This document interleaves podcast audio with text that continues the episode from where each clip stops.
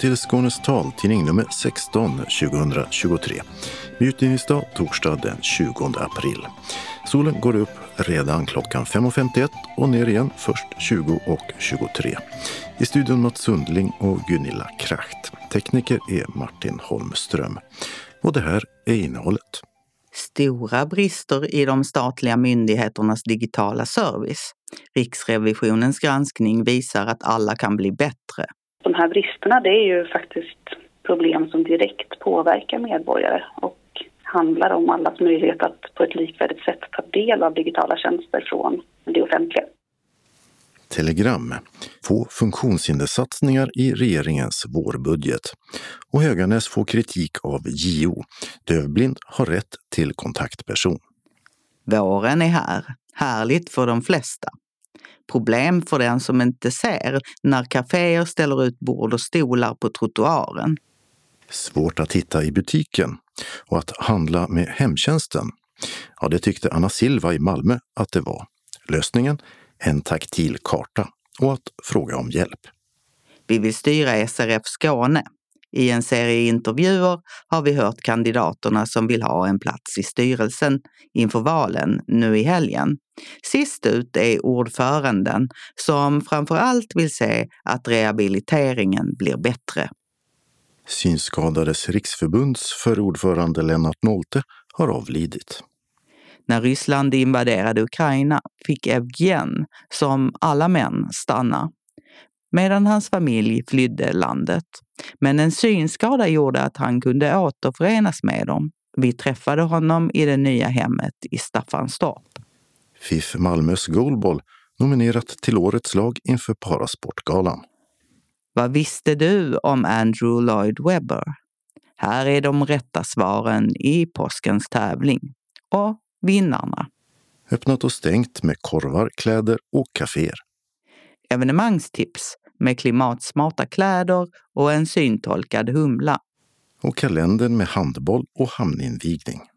Anslagstavlan med meddelanden och ändringar i kollektivtrafiken. Idag delar hela Skåne på samma tavla. Och allra sist redaktionsrutan. Kvaliteten är godtagbar, men det finns avsevärd förbättringspotential. Ja, det är det sammanfattande omdömet från Riksrevisionen som granskat ett antal statliga myndigheters digitala tjänster. Som till exempel Försäkringskassan, Pensionsmyndigheten och Skatteverket.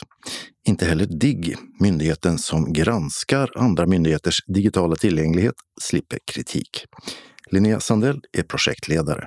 Det som vi kommer fram till är att de här tjänsterna, vår bedömning är att de håller en godtagbar kvalitet men det finns brister i tjänsterna och eh, avsevärd förbättringspotential. Och det finns också en mycket stor skillnad i hur de här tjänsterna ser ut beroende på vilken tjänst man tittar på. Och det är brister som handlar både om hur inkluderande de här tjänsterna är, alltså hur tillgängliga de är, men också om eh, hur ut, väl utvecklade de är när det kommer till den service som erbjuds i tjänsterna. Vad är de största bristerna då? Vad är sämst? Ja, huvudproblemet kan man väl säga att de här digitala tjänsterna inte håller tillräckligt hög kvalitet och de har inte tillräckligt god tillgänglighet eller tillräckligt väl utvecklat serviceinnehåll givet de höga mål som finns på det här området. I Sverige så har vi väldigt högt satta målsättningar för eh, digitaliseringen. Vi ska vara bäst i världen på att använda oss av digitaliseringens möjligheter.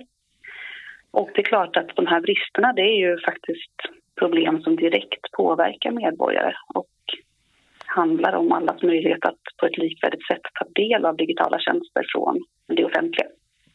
Riksrevisionen har undersökt ett antal situationer som en stor del av befolkningen någon gång kan hamna i och där man behöver ha kontakt med en statlig myndighet.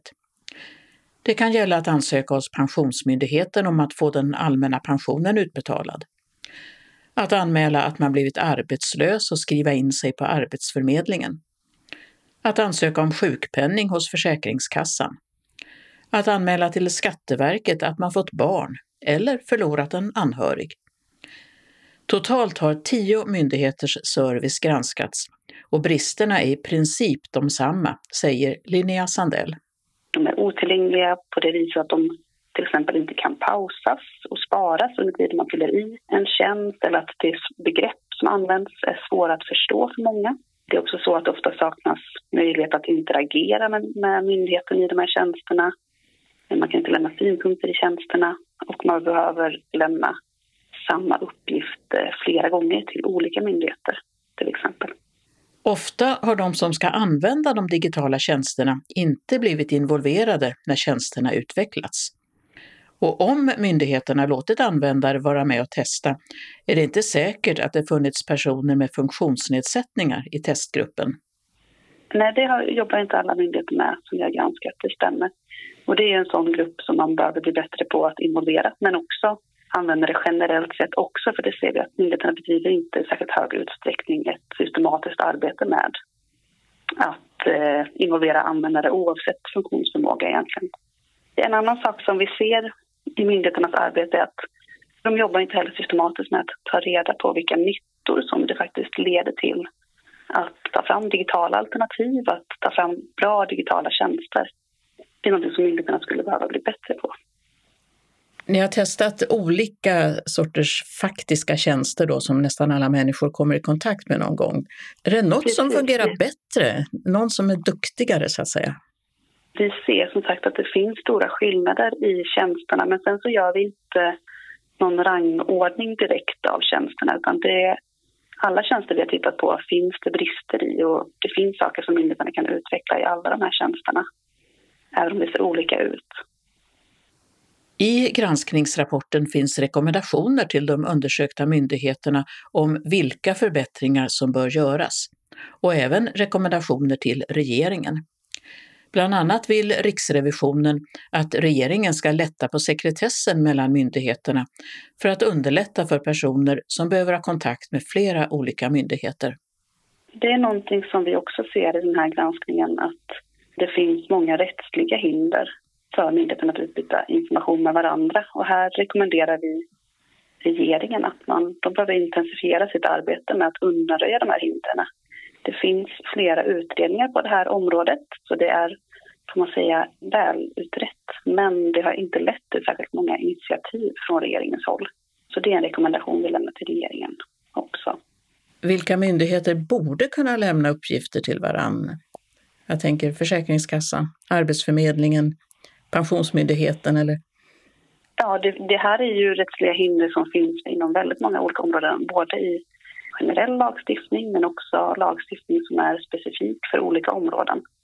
Så jag skulle säga att det förekommer rättsliga hinder som berör alla myndigheter som finns i granskningen. En av de myndigheter som granskats är Myndigheten för digitalisering, DIGG, som inte har några tjänster för privatpersoner, men som ska se till att andra myndigheter är tillgängliga. Och det arbetet sköter DIGG inte tillräckligt bra, säger Linnea Sandell.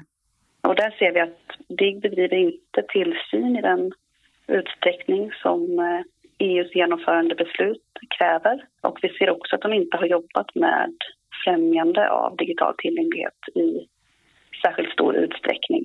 Så där lämnar vi också rekommendationer till regeringen om att de behöver styra DIGG mer långsiktigt och ge DIGG bättre förutsättningar för att ta en tydligare roll på det här området. Det sa Linnea Sandell, projektledare på Riksrevisionen för granskningen av de statliga myndigheternas digitala tjänster. Reporter var Birgitta Fredén. I måndags lämnade regeringen över sin vårbudget till riksdagen. Den föreslår 27,5 miljoner i ökat stöd till barn och elever med neuropsykiatriska funktionsnedsättningar. Men inget om andra funktionsnedsättningar som till exempel synskada. Regeringen förutspår dystra tider med minskad BNP och högre arbetslöshet och inflation. Barnfamiljer, försvaret och vuxenutbildningen är vinnarna i budgeten. Det tillfälliga bostadsbidraget för barnfamiljer förlängs och höjs och får 720 miljoner extra. Nästan lika mycket får yrkesutbildningar för vuxna.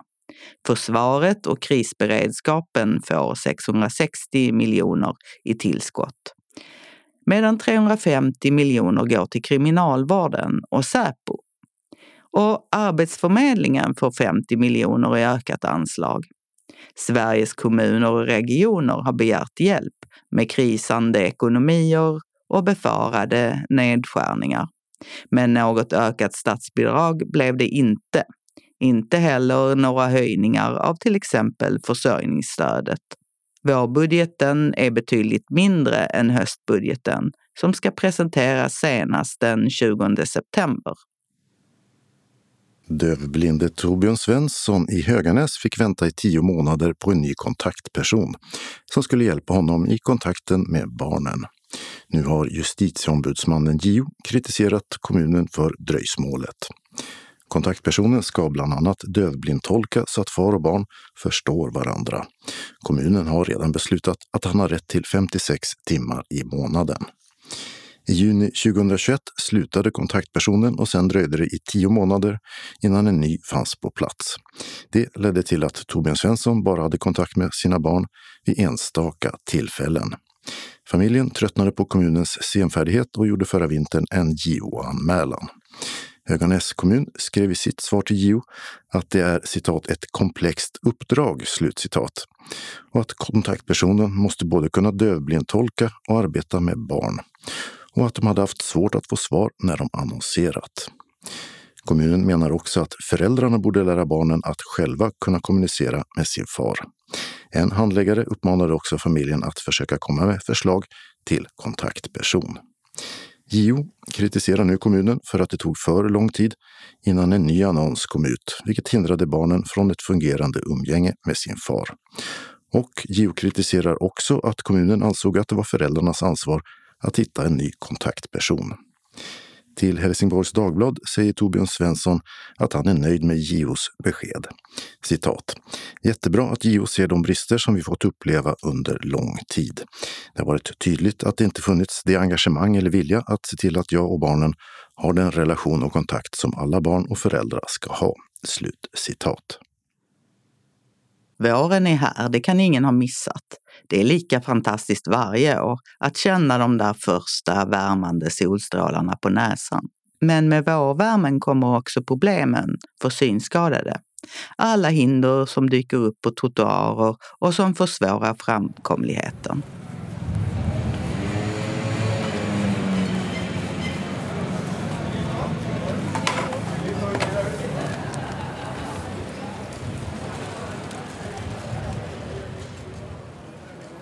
De första värmande solstrålarna lockar ut mycket folk på gator och trottoarer.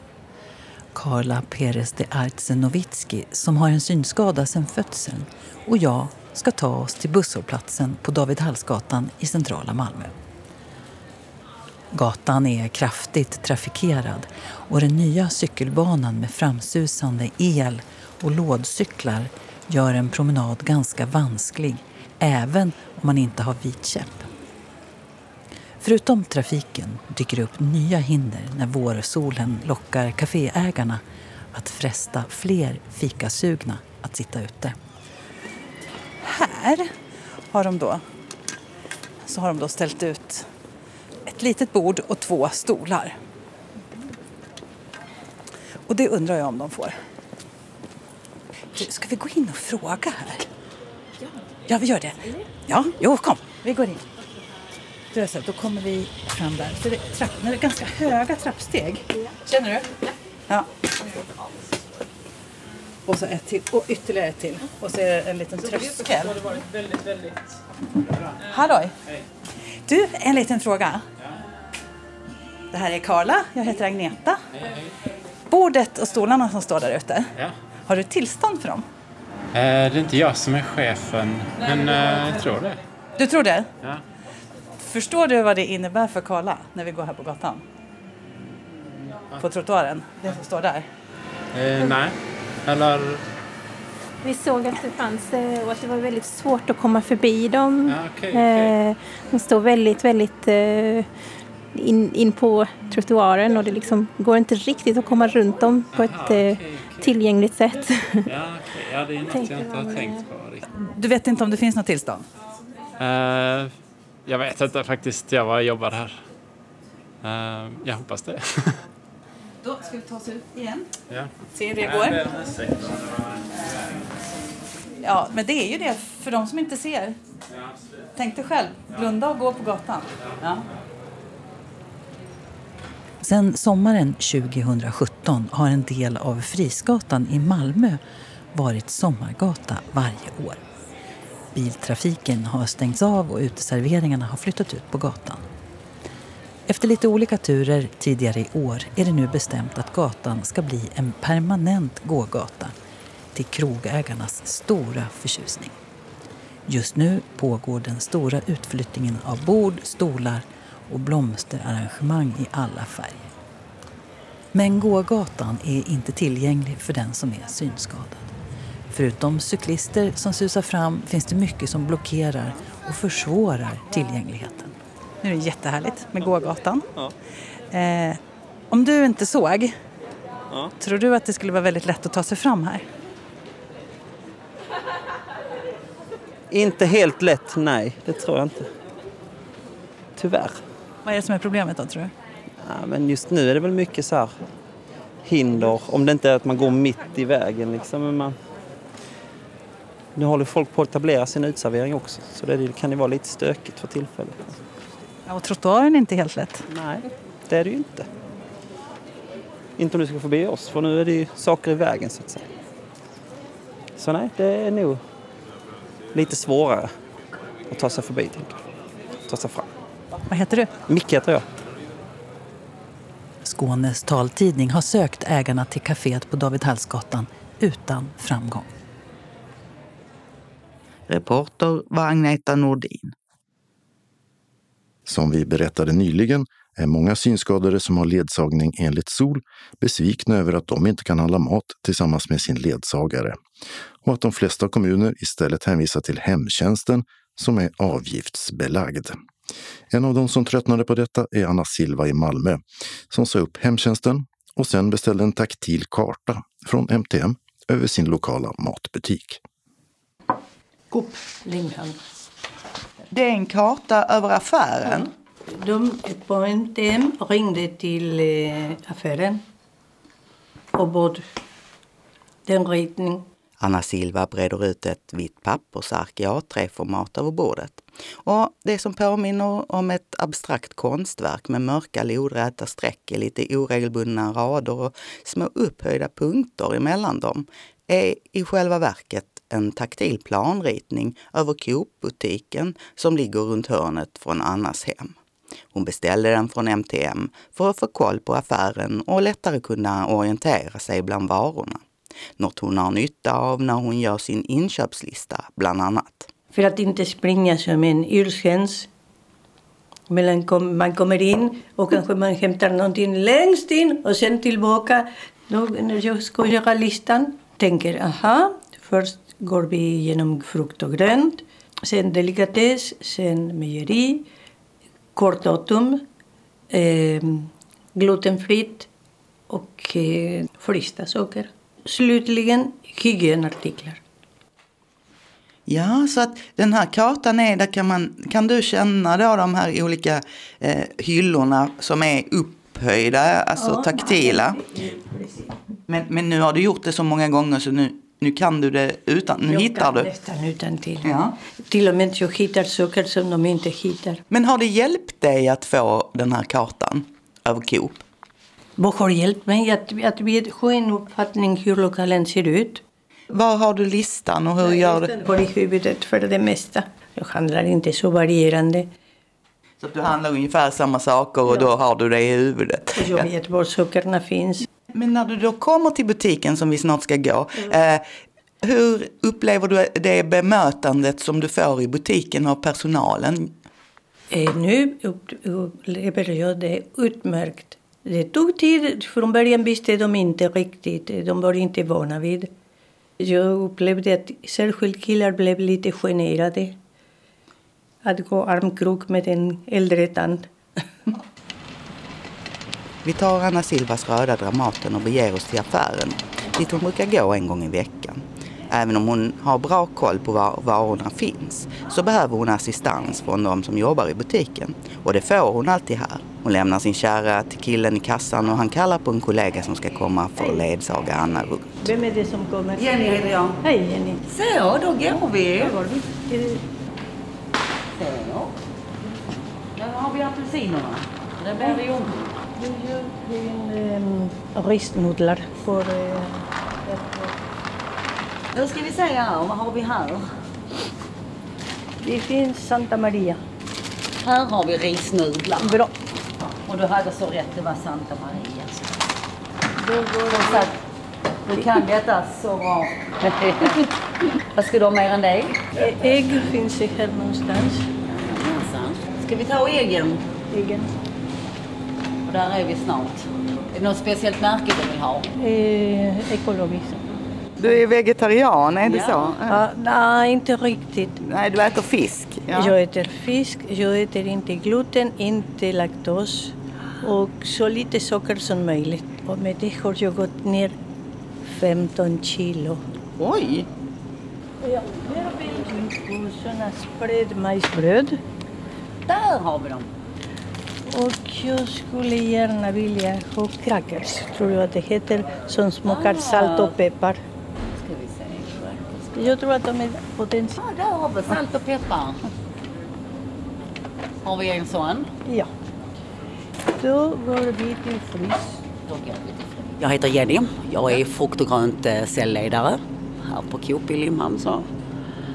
Och hjälper henne, det gör vi allihopa. Så det händer då och då att du eh, följer med Ja. Anna och handlar? Ja. Hur tycker du att det är? Ja, vi tycker det är lika trevligt var gång. Hon kan den här butiken innan och utan till. Så att, eh, det har vi fördel av. Ni lär er hitta också. Precis, i hela butiken. Ni lär er nya produkter. Ja, det får vi ju. Vi hjälps åt ja. Sen Coop-butiken öppnade för cirka två år sedan har Anna Silva handlat här med stöd av personalen. Innan affären fanns har hon försökt få samma service på ICA och Willys i Limhamn också. Men fick nej på båda ställena. Räkor. Räkor. Eh, skålade räkor. Jajamensan. Skulle vara skålade. Ja, Vad har vi? Medium, large. medium. Utan skål. Ja, ja, tack. Eh, Jag har handlat förut eh, tillsammans med hemtjänst och det har inte fungerat. De hade så bråttom. De hade bråttom att komma hem sen att lämna mig. Och dessutom, som alla vet, man har inte bara en person som kommer eh, från hemtjänsten. Eh, ibland kände de inte igen de produkter som jag letade efter. Nej, jag var eh, ganska trött på att det inte funkade. Mm, det här var en lösning för mig. Men jag tycker att det är en bra lösning att gå och presentera sig till affärer och säga att eh, man behöver hjälp. Och en trisslott, tack. Nu kan du trycka på den.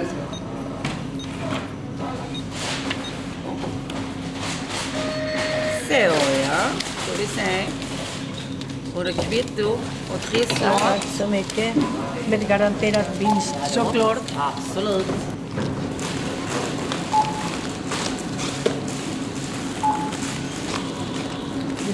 Ja, Tack så mycket. tack själva. Så vi ses om en vecka. Det gör vi.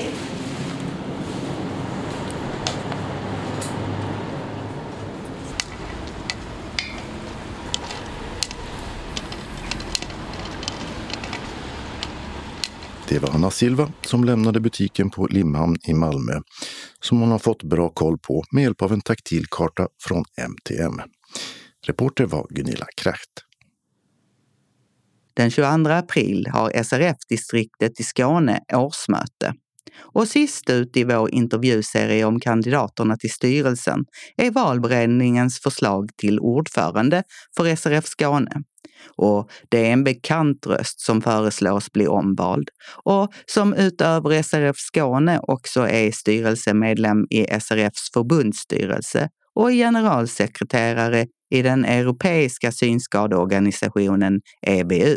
Jag heter Maria Torstensson. Jag är 58 år, bor i Bjärlöv utanför Kristianstad.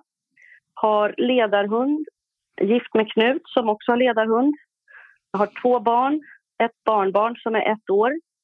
Har varit synskadad och blind sedan 2005 efter en olycka. För 12 år sedan så valdes du till ordförande första gången. Hur kommer det sig att du fortfarande vill vara det? Ja, alltså, i och med att jag hela tiden har utökat mitt arbetsområde. Jag har börjat från lokalförening till distriktsstyrelse i regionen och sen upp på Riksförbundet och Norden och sen Europa. Så känner jag att jag fortfarande har saker som jag ser en positiv sak för distriktet och för mig naturligtvis. Att ha den här kontakten mellan medlemmarna och resten av mitt arbete. Jag har bra kontakt med medlemmarna och vet hur saker och ting fungerar ute i landet. På så vis så kan jag jobba väldigt mycket bättre uppe på Riksförbundet exempelvis eftersom jag vet hur saker och ting fungerar. Det ser man skillnad på de som inte har ett distrikt i ryggen. Och när det då gäller att du är aktiv på så många olika plan, har du mm. tid med ett ordförandeskap i distriktet? Ja, det har jag. Jag har en bra styrelse och jag har ett jättebra kansli. Så att jag, jag tycker det och jag har inte upplevt heller att varken jag har känt eller andra har känt utan jag är, jag är på vårt kansli. Så jag ser det som mitt huvuduppdrag, det är distriktet. Och jag är på kansliet mer eller mindre varje vecka och, och, så, och pratar med kansliet varje dag. För mig så är det inget problem. Och vilka frågor tycker du är viktiga under den kommande perioden? Färdtjänsten kommer vara en jätteviktig fråga, men den, det är ju en sån här never ending story eh, som fortsätter för evigt känns det som. Och samma sak ledsagningen. Men jag tror att en av de sakerna som verkligen kommer kunna hända och göra en förändring det är utbildningarna som vi håller på att jobba med tillsammans med HRF, Hörselskadades riksförbund som ska då hjälpa kommunerna att kunna anställa syn och hörselinstruktörer som har utbildning. För som det är idag, den utbildningen finns uppe på Almåsa i Stockholm men kommunerna i Skåne tycker att det är för dyrt att skicka upp folk. Så därför så har det inte hänt ännu. Utan därför så tror vi att det här är något som vi kanske kan försöka lösa här nere i Skåne. Hur ska det gå till? Till att börja med så är det HRF som äger projektet. De har haft det här projektet i ett par år och vi har varit mycket involverade i det så att vi är med i det lika mycket som dem, men det är de som, som håller i det. Som det ser ut idag så kommer det här kunna äga rum på Sundsgården i Helsingborg. Det är det som vi håller på med just nu. Det är kommunerna som kommer få betala för utbildningarna, så är det ju. Möjligtvis regionen. Men eh, de kommer slippa resorna, de kommer slippa att det behöver ta så lång tid och det finns mycket saker som gör att det är positivt att man kan ha det på plats. Och det är inte alls säkert att det kommer behövas övernattningar och så heller, utan då, då blir det andra pengar det handlar om. Men vilka är det som ska utbildas? Är det vidareutbildning för vissa grupper eller hur? Som det är idag så är det oftast arbetsterapeuter som vill göra någonting annat, som det har varit idag ska jag säga. För i Skåne har vi bara två stycken i Malmö, det är de enda vi har. Men eh, som man har sagt i de flesta lokalföreningar idag så är det ju hemtjänsten som ska sköta den delen som de har klarat av och gjort förut, syn och hörselinstruktörer. Men det vet vi ju att det gör de inte. De har varken den tiden eller den utbildningen eller kunskapen. Så att det är ju inte alls möjligt som det fungerar idag. Det är helt ofungerande kan man säga. När du säger att ni har hållit på med det här länge, men när kommer de här utbildningarna igång då? Jag hoppas att de kommer att komma igång nästa år det är som det är när det ska till pengar och så vidare. Och det är ett projekt än så länge, men, men som det ser ut så kommer det här att kunna fungera. Och jag hoppas nästa år. Förra perioden som du var ordförande då, så mm. sa du att äldrefrågorna var viktiga, digitalisering mm. var viktigt. Hur har det gått där? Tycker du att, att ja. det har blivit bättre? Absolut. Man kan bara se på vårt GSM-projekt, grundläggande utbildningar på smart mobiltelefoni. Det ser vi på de utvärderingar som vi har gjort och kvartalsrapporten som vi precis har lämnat in till regionen har varit väldigt, väldigt positiv. Och det är ju 95 procent kanske eller mer som är äldre, som är över 80, som har gått den här kursen. Så att det, det har verkligen varit mycket uppskattat. Så det, det är ju en del som jag tycker att vi eh, har eh, ja, lyckats med som jag hoppas på att vi kommer få fortsättning på det projektet. För det vet vi ju inte riktigt än.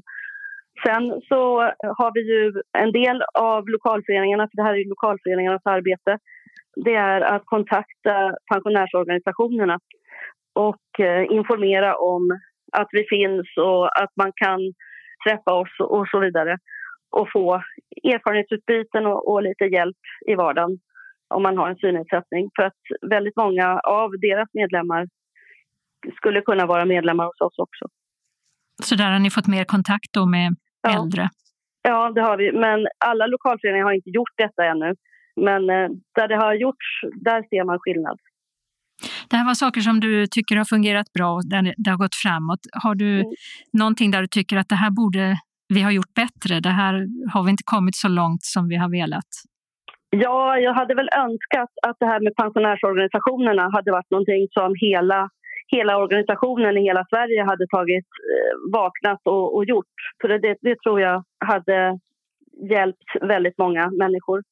Så att till att börja med Skåne så hade ju det varit roligt om vi hade gjort det över hela. Men det är ideella krafter som jobbar överallt. De flesta i alla fall ska jag säga. Man kan inte kräva vad som helst av folk utan vill de inte så vill de inte. Det är bara så. Och framåt, vilken är den allra viktigaste frågan tycker du? Den allra viktigaste frågan tycker jag är att rehabiliteringen ska bli bättre. Att rehabiliteringskedjan från regionen till kommunen ska fungera bättre. Det tycker jag är, är den, en av de allra, allra viktigaste frågorna. Och om eh, du inte jobbar med då distriktet eller eh, förbundsstyrelsen eller EBU, vad gör du då på din fritid? Eh, ja, jag, jag är faktiskt anställd, så jag jobbar också. Alltså jag har en halvtidstjänst och jobbar med golf. Så jag jobbar som metodutvecklare i ett golfprojekt. Jag har varit med i det här projektet i ett år och har två år kvar på det. Och det är också väldigt givande och en helt annan sak, men trots allt så är det en synskadefråga. Och vad gör du där? Jag är med och eh, tar fram, vi har fyra grupper just nu. Två stycken i Skåne, en i Halland och en i Stockholm. Där vi håller på att ta fram en, en modell för hur instruktörerna ska lägga upp utbildning. Dels för synskadad spelare, men även för en caddy eller medhjälpare eller vad man ska kalla dem för. Hur de ska prata så att vi förstår på rätt sätt och, och sådär. Så att man kan ha vilken caddy som helst och den ska liksom förstå hur man ska förklara sakerna på rätt sätt. Men det var också jobb. Vad gör du på din fritid? Har du någon sån? Ja, då har jag trädgården. Vi var, tog ner hallonbuskarna igår, fjolåret, så att de har vi klippt ner nu. Och sen så har jag känt att det är ett, ett par ställen till som jag behöver vara ute och klippa och sen håller jag på att planera för tomatodling och, och det har jag börjat med också lite grann. Det blir mindre fröer i år. Jag kommer köpa färdiga planter lite mer faktiskt i år. Det sa Maria Torstensson, valberedningens förslag till ordförande för SRF Skåne. Åsa Kjellman Erisi intervjuade. Synskadades riksförbunds tidigare förbundsordförande Lennart Nolte har avlidit. Lennart Nolte var ordförande i 18 år. Från 1986, då han efterträdde Bengt Lindqvist, till 2004, då han efterträddes av Tina Noomi Södergren. Förutom sitt heltidsengagemang i Synskadades riksförbund har Lennart Nolte också bland annat arbetat på Socialdepartementet. Och efter det var han engagerad i Ögonfonden som verkar för ögonforskning. Lennart Nolte blev 81 år. När kriget bröt ut i Ukraina för drygt ett år sedan blev det ganska omgående en generell mobilisering och män mellan 18 och 60 år blev inkallade och kunde inte lämna landet. Så när Evgen Bojko, som är blind på ena ögat, flydde från Kiev tillsammans med sin familj fick han stanna kvar i Ukraina medan hans fru och dotter lämnade landet. Men så någon månad senare fick även Evgen Bojko lämna Ukraina på grund av sin synskada. Och efter någon månad isär kunde han och hans familj återförenas i Norge. Idag är familjens hem en lägenhet i Staffanstorp. I have a problem with my right eye. I can see uh, this eye, and so I could leave Ukraine. And not immediately after start the war, but uh, later our government decided that uh, men with some problems uh, with health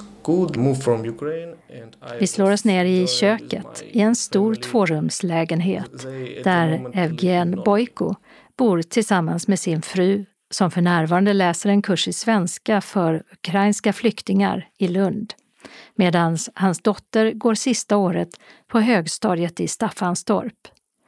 Jevgen berättar att han är blind på sitt högra öga sedan han var ett år efter en olyckshändelse. Och det dröjde ett tag efter krigsutbrottet innan regeringen tog beslutet att män som har medicinska problem med sin hälsa kunde lämna Ukraina. Och han kunde återigen träffa sin hustru och dotter som för tillfället bodde i Norge. Och sen fick Jevgen Bojko ett erbjudande från spelföretaget Sharkmob som han arbetade med redan då han bodde i Ukraina, att jobba för dem i Malmö och han bestämde sig för att ta det erbjudandet eftersom det var bättre för familjen.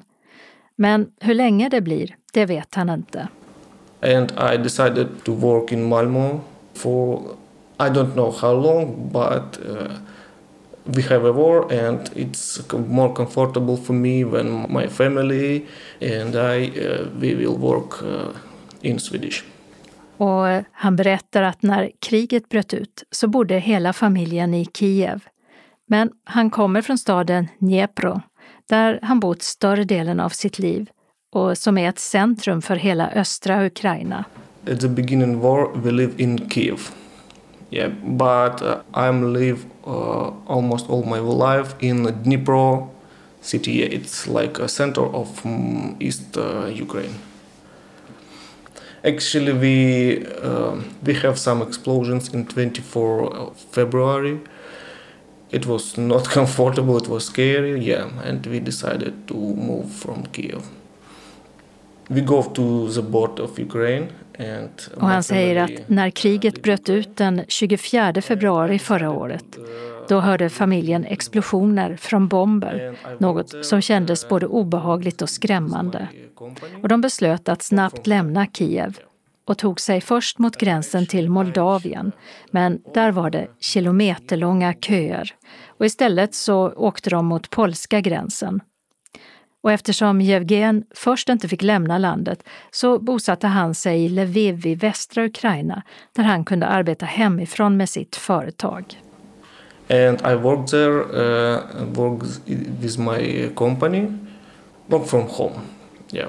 Och på min fråga om han behövde delta i kriget på något sätt så svarar han att alla män måste fylla i papper för att armén ska veta vem du är, var du bor och när du kan ansluta dig till armén. Men de sa att jag inte kunde ansluta mig till armén nu, utan fick vänta och om det skulle bli en väldigt dålig situation för armén kan det bli tal om att rycka in då. Och män som har problem med hälsan är de sista som får rycka in. It's like last uh, guys who will join in the our army because and now as I know we have uh, like a line from uh, men who, who want to join in our army och när jag frågar hur det var att vänta på besked om han skulle rycka in i kriget eller om han skulle kunna lämna landet och åka till sin familj, säger Jevgen att det var en mycket begränsande situation, för det var flygalarm varje dag. De första dagarna tog han skydd i skyddsrum, men sen ville han inte det längre, utan han ville jobba. Och han säger att situationen var mer frustrerande än att han var rädd. It was like a nervous situation because you have um, air alarm every day and you mm, probably we first days we uh, hiding in uh, underground then it was uh, uh, it was uh, okay i don't want to uh, go in uh, just uh, hiding. I, I, I still working. It was not afraid, it was uh, frustrated. Du arbetar och du väntar, säger han. Kanske var det idag din sista dag i livet.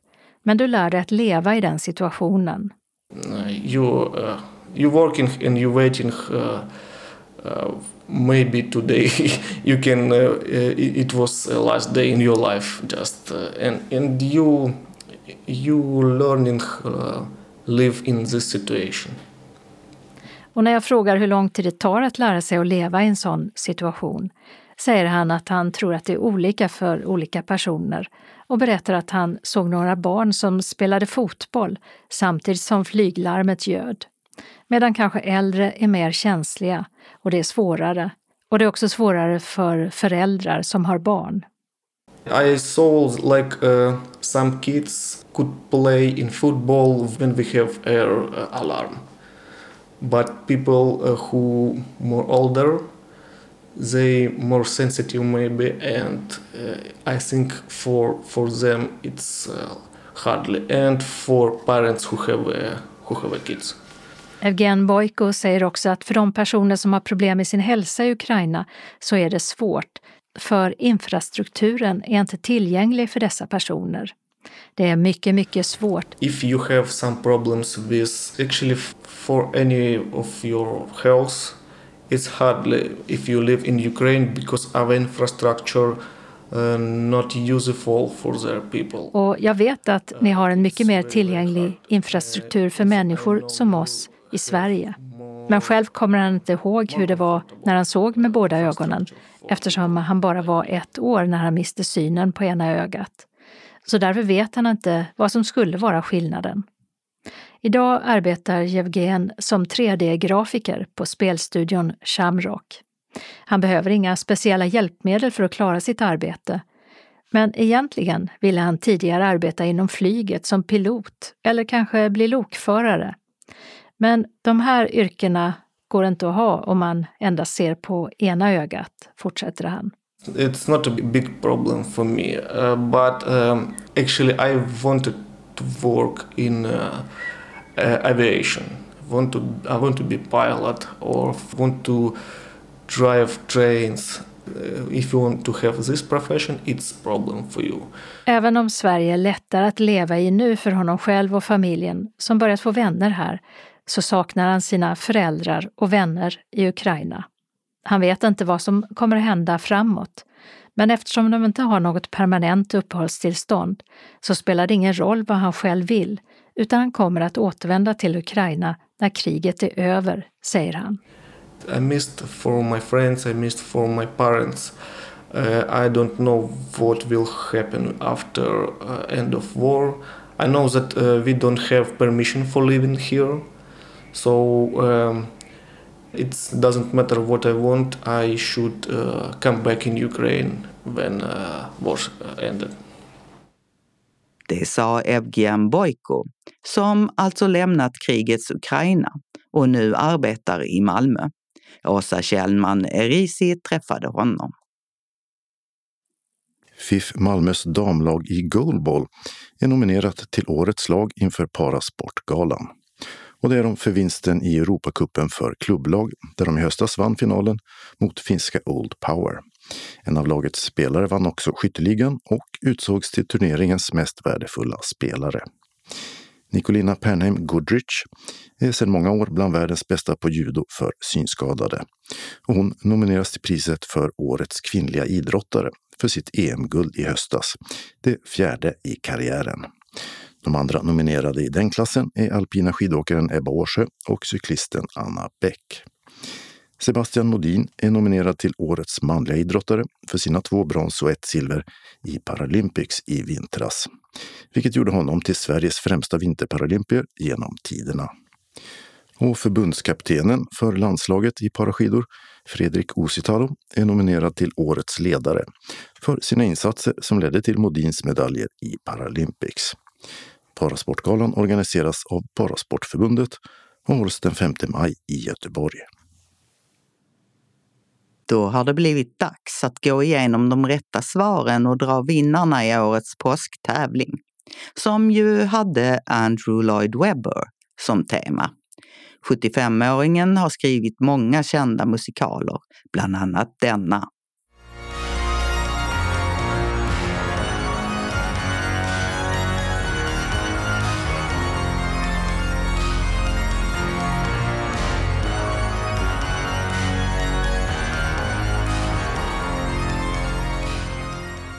Den här ouvertyren är varken från Sound of Music eller från Chess, utan från Phantom of the Opera. Och det ger en tvåa i fråga 1. I fråga 2 sökte vi den textförfattare som ofta samarbetat med Andrew Lloyd Webber. Och rätt svar är Tim Rice, en etta. Han har till exempel skrivit texterna till Jesus Christ Superstar och Evita. Den tredje frågan handlade om vad det prestigefyllda amerikanska priset som årligen delas ut till teaterpjäser och musikaler heter. Och rätt svar är Tony, en tvåa. De andra alternativen var Emmy, som är ett pris för tv-program, och Grammy, som är ett musikpris. I fråga fyra hörde vi en amerikansk popstjärna sjunga Don't Cry For Me Argentina och vi sökte hennes namn. Och rätt svar är Madonna som både sjöng och spelade huvudrollen i filmen. Ett kryss i fråga 4. Sen handlade det om Jesus Christ Superstar. Den gav först ut på skiva med Ian Gillan i huvudrollen, som är mer känd som sångare i bandet bakom följande låt.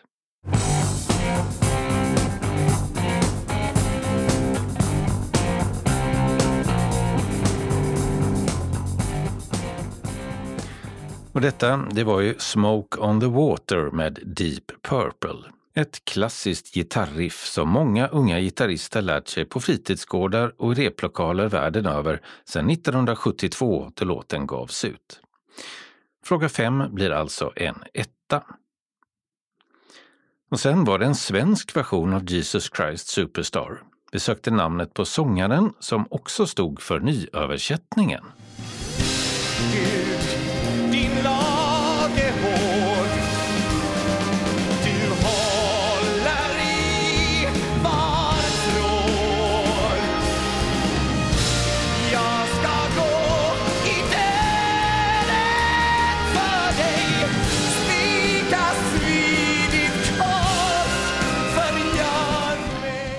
Och detta det var sångaren i The Ark, Ola Salo, vilket ger ett kryss i fråga 6. I fråga 7 var det dags för en av Andrew Lloyd Webbers mest kända hittar, Memory, och vi undrade vilken musikal låten är hämtad ifrån. Och rätt svar är musikalen Cats, en etta i fråga 7. Och visste man det kunde man kanske räkna ut svaret i fråga 8 vi undrade vad T.S. Eliots diktsamling från 1939 som musikalen Cats bygger på heter. Och rätt svar är De knepiga katternas bok, en tvåa. I nionde frågan hörde vi låten It's easy for you från 1977 där vi sökte artisten. Och det var ju kungen själv, Elvis Presley, som sjöng ett kryss. Och i tionde och sista frågan sökte vi namnet på en av Andrew Lloyd Webbers exfruar. En sångerska som tillsammans med Andrea Bocelli sjöng Time to say goodbye, en dunderhit från 1996.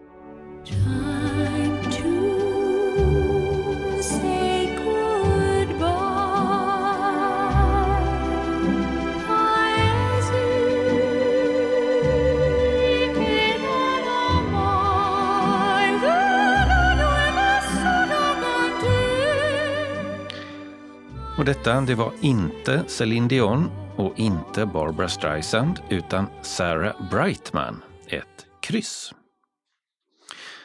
Och det ger följande rätta rad. 2, 1, 2. Kryss, 1, kryss. 1, 2, kryss och ett kryss. Och då är det dags för dragning. Först lägger jag alla inskickade svar med alla rätt, vilket var ett antal, i den gyllene pokalen och drar en vinnare. Och första pris, som förutom den stora äran också är en ljudbok eller musik-CD i normalprisklassen, går till Narjes Al-Ansari, Malmö. Stort grattis!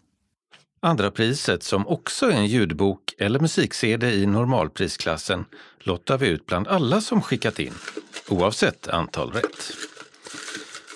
Och det går till Josef Nejadnik, Göteborg. Grattis! Och ett tredje pris ska vi också dra. En mugg eller t-shirt med vår stiliga logga på. Och det går till Kerstin Persson, Helsingborg. Grattis! Det var tio frågor och svar om Andrew Lloyd Webber. Grattis till vinnarna igen och tack till alla som tävlat. Tävlingen var gjord av Martin Holmström. Öppnat och stängt. I Landskrona konsthall har kaféet Café 63 öppnat igen med nya ägare efter att ha varit stängt i flera år. I Kristianstad har klädbutiken Senino Donna stängt sin butik vid Lilla Torg efter att ha försett Kristianstadsborna med märkeskläder sedan 1985.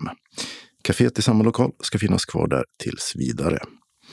I Helsingborg har Jonas Jonasson, keyboardist i bandet Bobund, öppnat en korvbutik och servering som ingår i kedjan Korv-Olle. Adressen är Möllegränden 4A.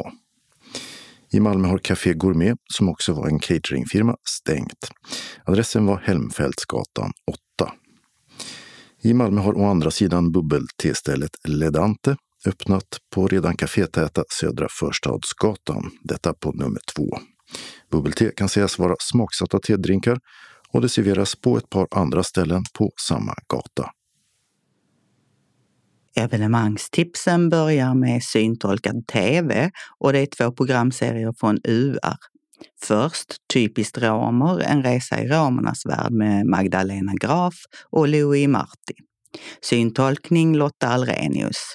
Premiär onsdagen den 19 april klockan 21.30 på SVT 24 och sedan sänds de följande fem avsnitten på onsdagar samma tid och kanal.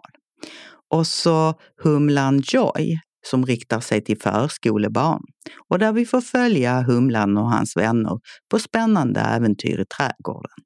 Syntolk är Sari Eliasson och första avsnittet sänds 23 april klockan 14 på SVTB.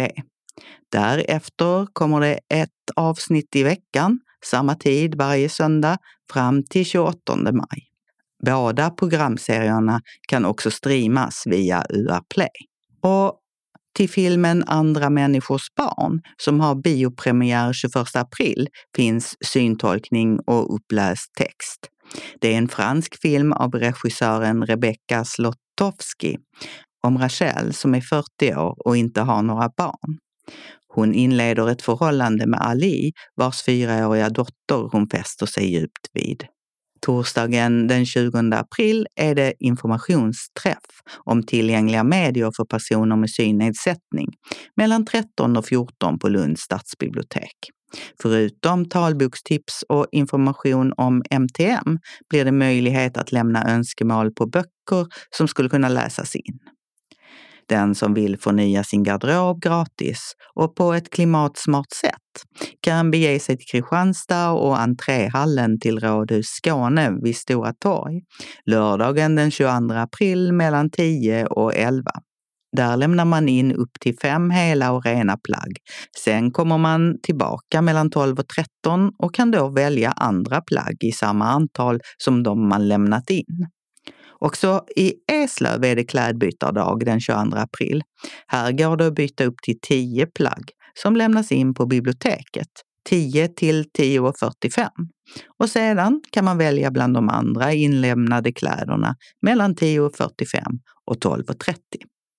Klädbytaredagen arrangeras även i Skurup den 22 april och den som vill byta tar med sig upp till tio rena plagg till Skurups folkhögskola klockan 10 till 11 och i aulan mellan 12 och 14 går det sedan att välja ut nya kläder att ta med hem. Det legendariska brittiska popbandet Smokey, som hade en megahit med låten Living Next Door to Alice 1976, är i Sverige på turné. 22 april spelar de på Konserthuset i Helsingborg 1930 och dagen efter, alltså den 23 april, samma tid, kommer de till Malmö och står på Slakthusets scen. Biljetterna kostar 595 kronor och säljs via Helsingborgs konserthus och Eventim. I Trelleborg blir det vårkonsert med Jenny Holmgren och Andreas Eldén och Trelleborgs musikkår den 22 april klockan 16 i Västervångshallen. Biljetter till ett pris av 300 kronor kan köpas på Trelleborgs bibliotek. SM i motocross är det 22 och 23 april klockan 11 till 17 på Saxtorpsbanan i Saxtorp som ligger mellan Landskrona och Kävlinge. Det kostar 200 kronor i inträde. Seniormässa är det 25 till 27 april på Malmömässan i Hyllie. Det är öppet 10 till 16 alla tre dagarna och entrépriset är 140 kronor. Förutom cirka 100 utställare finns det också flera scener med program hela dagarna. Exempelvis berättar Björn Ranelid om sitt författarskap på tisdagen 12.20 medan Lars Hector föreläser om skådespelaren Anita Ekbergs liv på onsdagen 12.30. Och Malmö Opera presenterar kommande säsongsprogram på torsdagen klockan 11.30.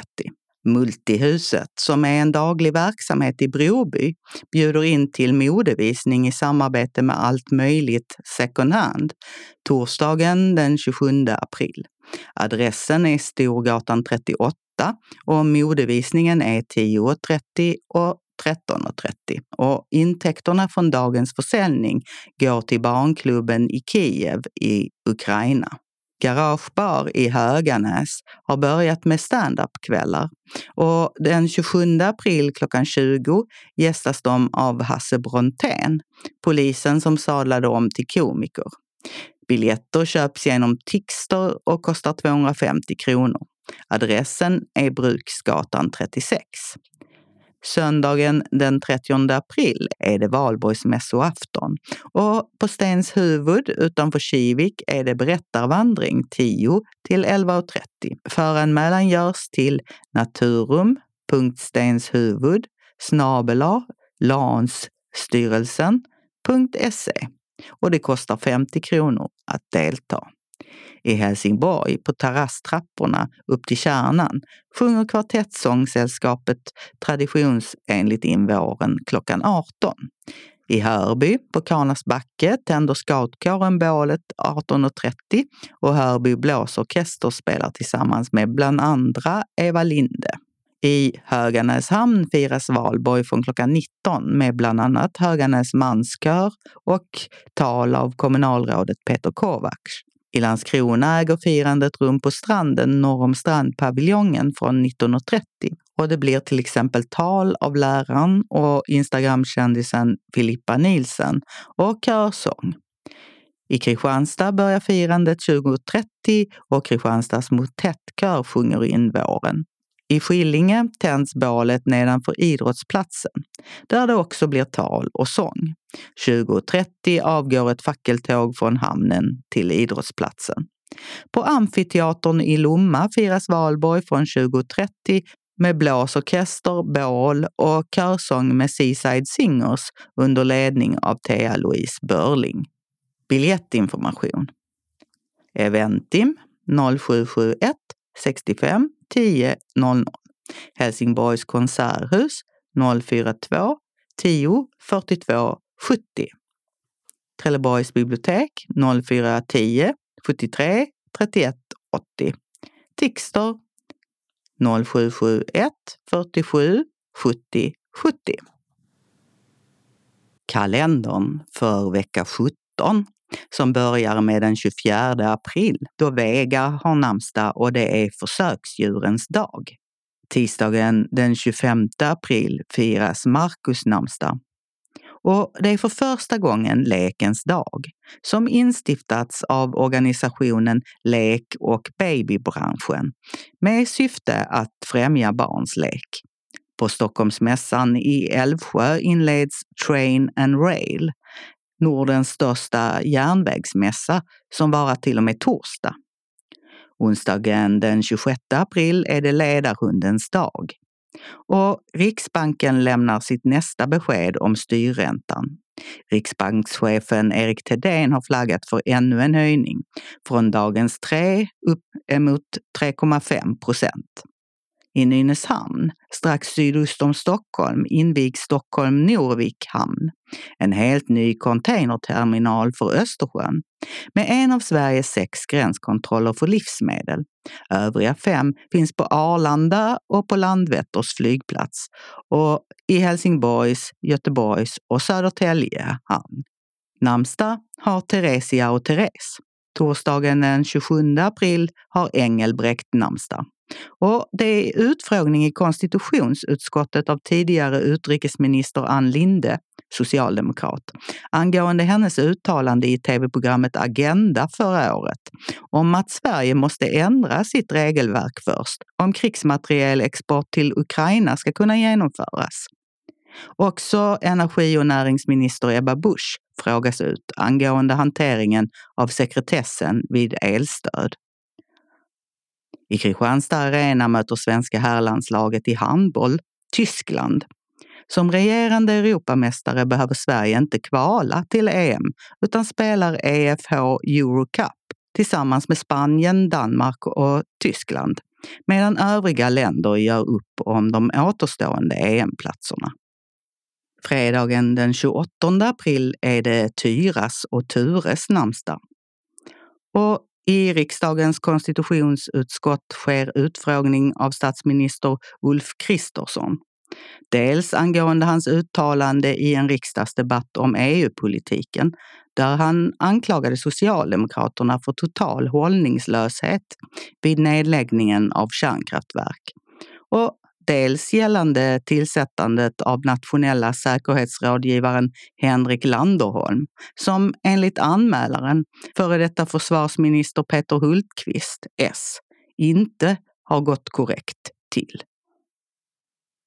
Lördagen den 29 april är det svenska friluftsdagen och dansens dag.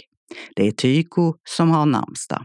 Och från Rönne på Bornholm går världens största snabbfärja, Express 5, sin premiärtur till Ystad klockan 6.30.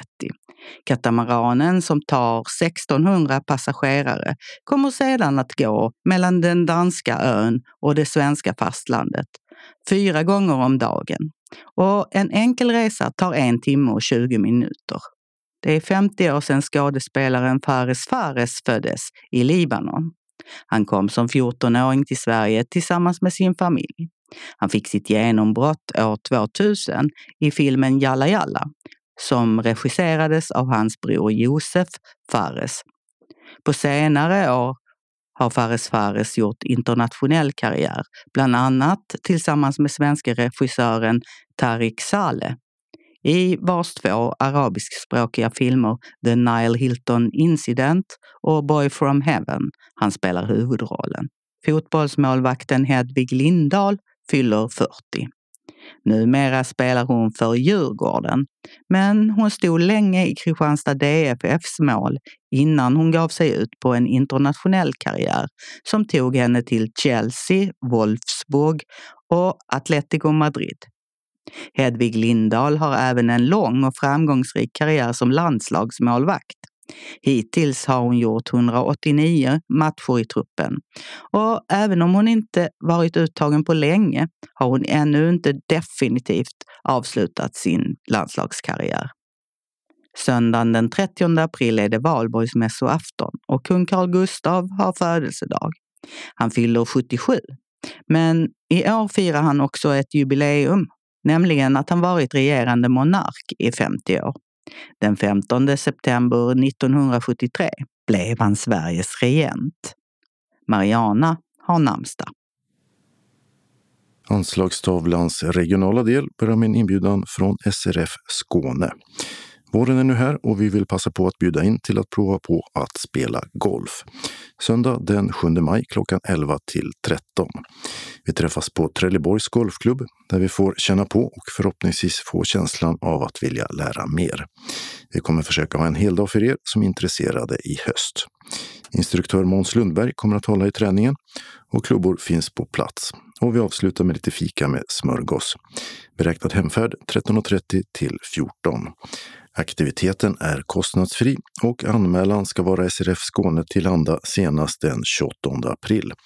Till skane srf.nu eller telefon 040-777 75.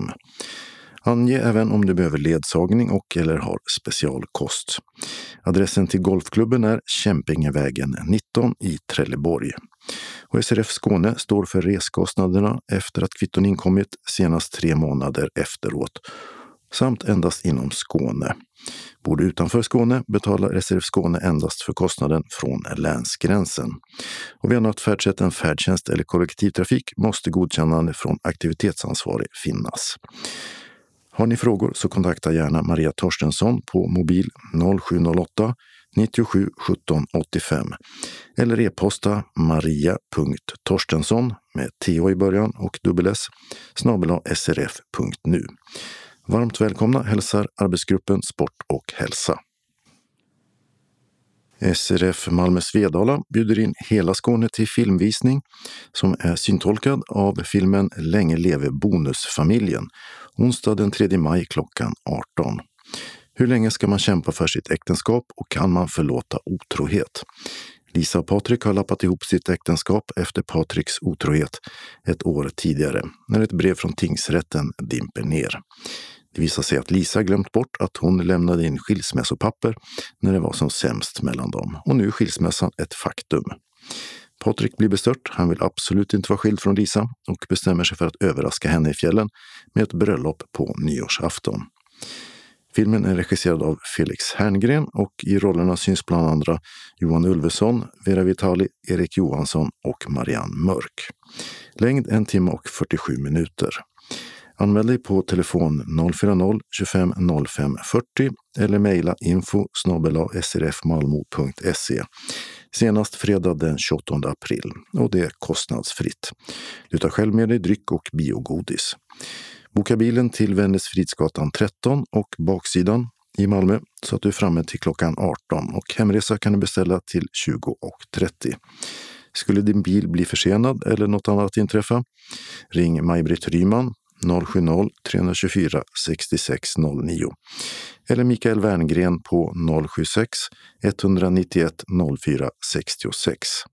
Någon av oss stannar kvar tills alla har fått sina färdtjänstbilar. Och reseersättning utgår som vanligt från SRF Skåne för resor utanför Malmö för medlemmar utanför Malmö när kvittot har skickats in inom tre månader. Välkomna hälsa styrelsen för SRF Malmö Svedala.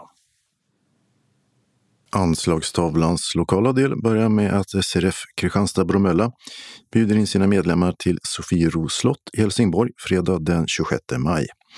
Buss utgår från Kulturpunkten i Bromölla klockan sju. Vi hämtar också vid stationen i Kristianstad, hållplats A, klockan 7.30 och vid Sommarlust 7.45 för vidare färd till Helsingborg. Eva är med och syntolkar på resan. När vi kommer fram tar vi en bussfika för att sedan ge oss in i parken. Det blir en guidad tur på cirka en timme bland växter och rhododendron. Lunchen serveras i restaurangen. Då kan man välja mellan kyckling eller fiskrätt. Uppge vid anmälan vad du vill äta. På eftermiddagen är det egen tid i slottet eller parken. Då finns det även möjlighet till fika. Hemfärd cirka klockan 16 och vi beräknar vara i Kristianstad 17.30. Anmäl dig senast 3 maj till Anita Svensson på 044 533 09. Om Anita inte kan svara, var vänlig anmäl till telefonsvararen så ringer hon upp. Det går också bra att anmäla på mejladressen anitasvensson109 gmail.com. Kostnaden är 400 kronor som betalas efter anmälan till Bankgiro 899 92 45 eller swisha 12 33 66 93 48 och uppge vid inbetalning namn och aktivitet samt påstigningsplats, eventuellt vid behov av ledsagare eller matallergi. Och det här är en bindande anmälan. Varmt välkomna hälsar styrelsen.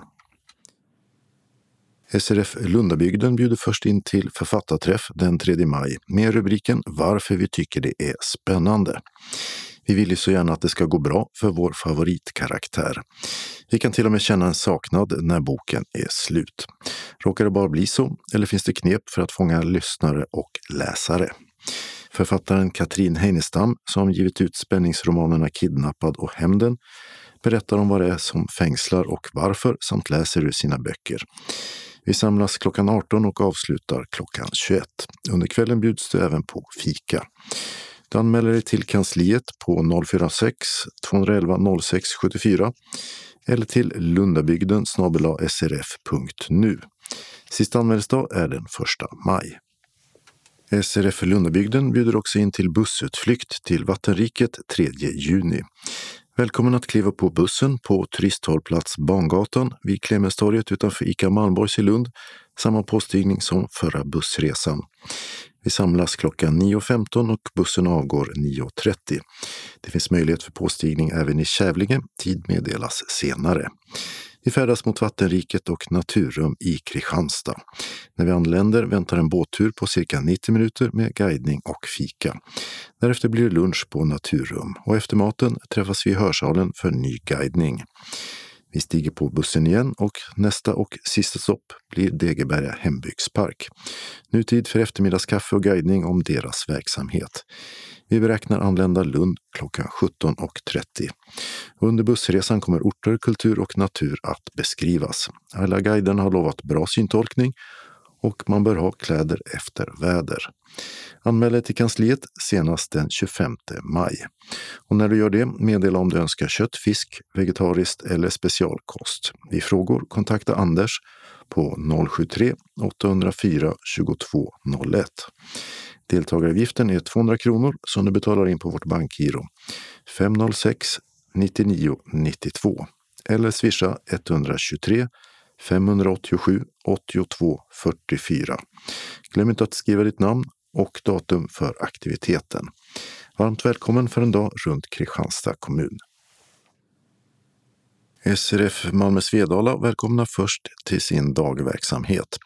Måndag 24 april klockan 13 till 15 träffas vi och umgås med lite fika och diskuterar aktuella nyheter samt läser lite ur tidskrifter. Ibland hinner vi även med frågesport.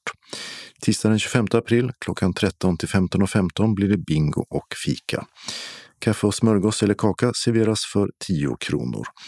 Om man anmäler sig till kansliet 040 25 05 40 om man tänker komma. Senast klockan 10 samma dag. SRF Malmö Svedala bjuder också in till bastubad då det blir säsongsavslutning. Sen börjar bastubadandet igen i slutet av september.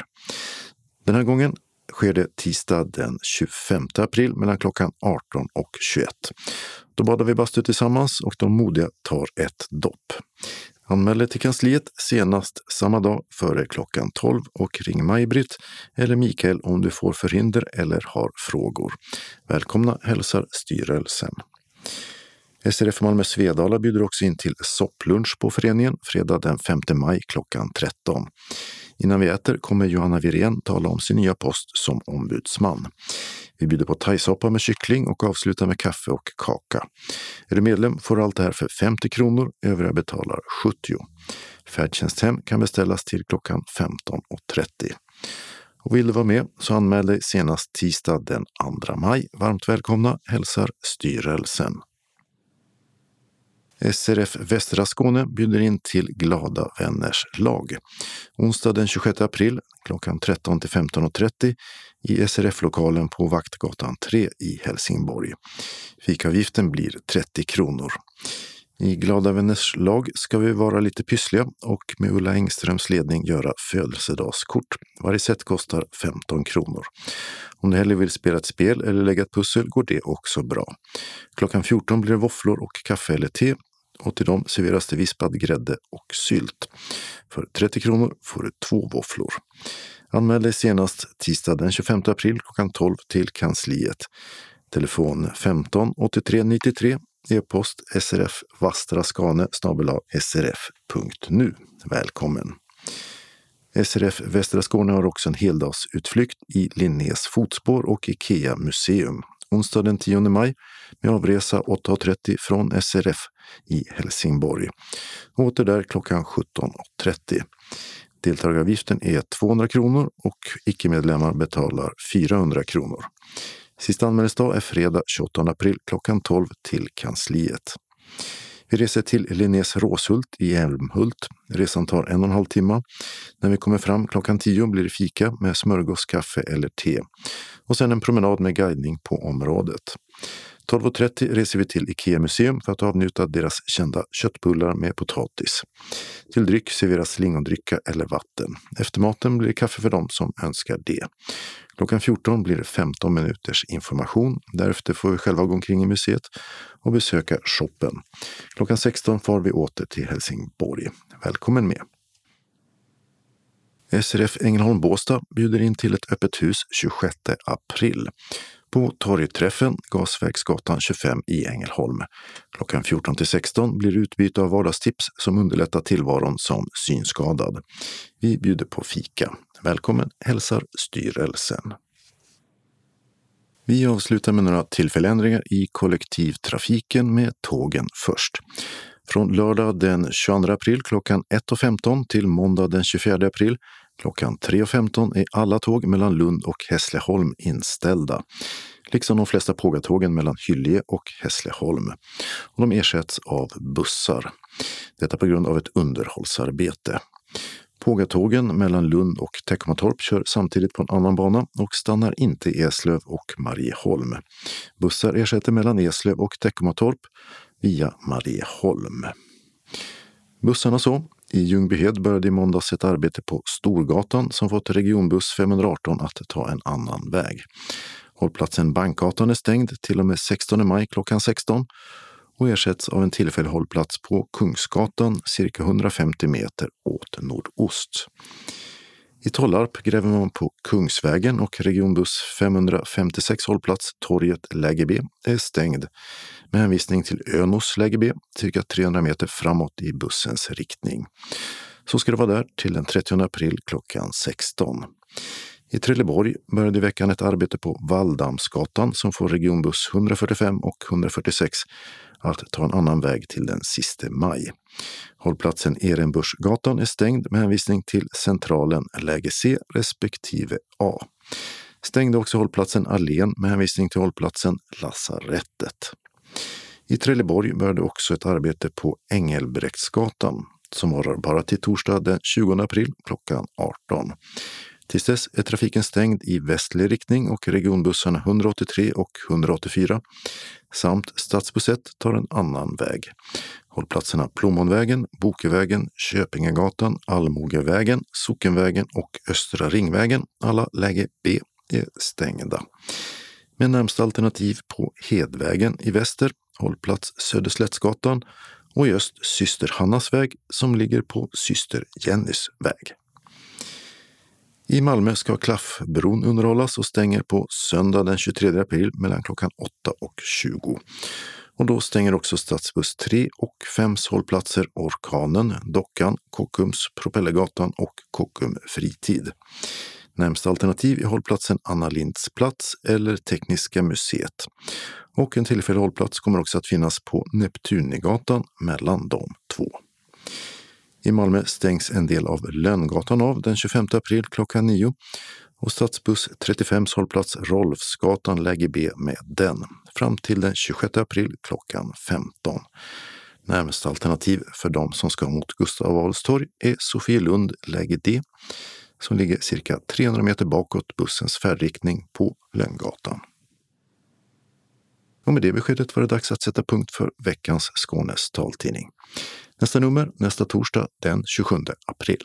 Skånes taltidning ges ut av Region Skånes psykiatri och habiliteringsförvaltning. Ansvarig utgivare är Martin Holmström.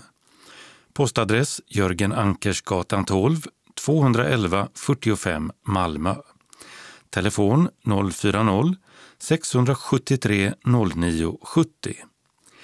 E-post Skanes taltidning snabela skane.se och hemsida skanestaltidning.se. Vi hörs igen. Hej då!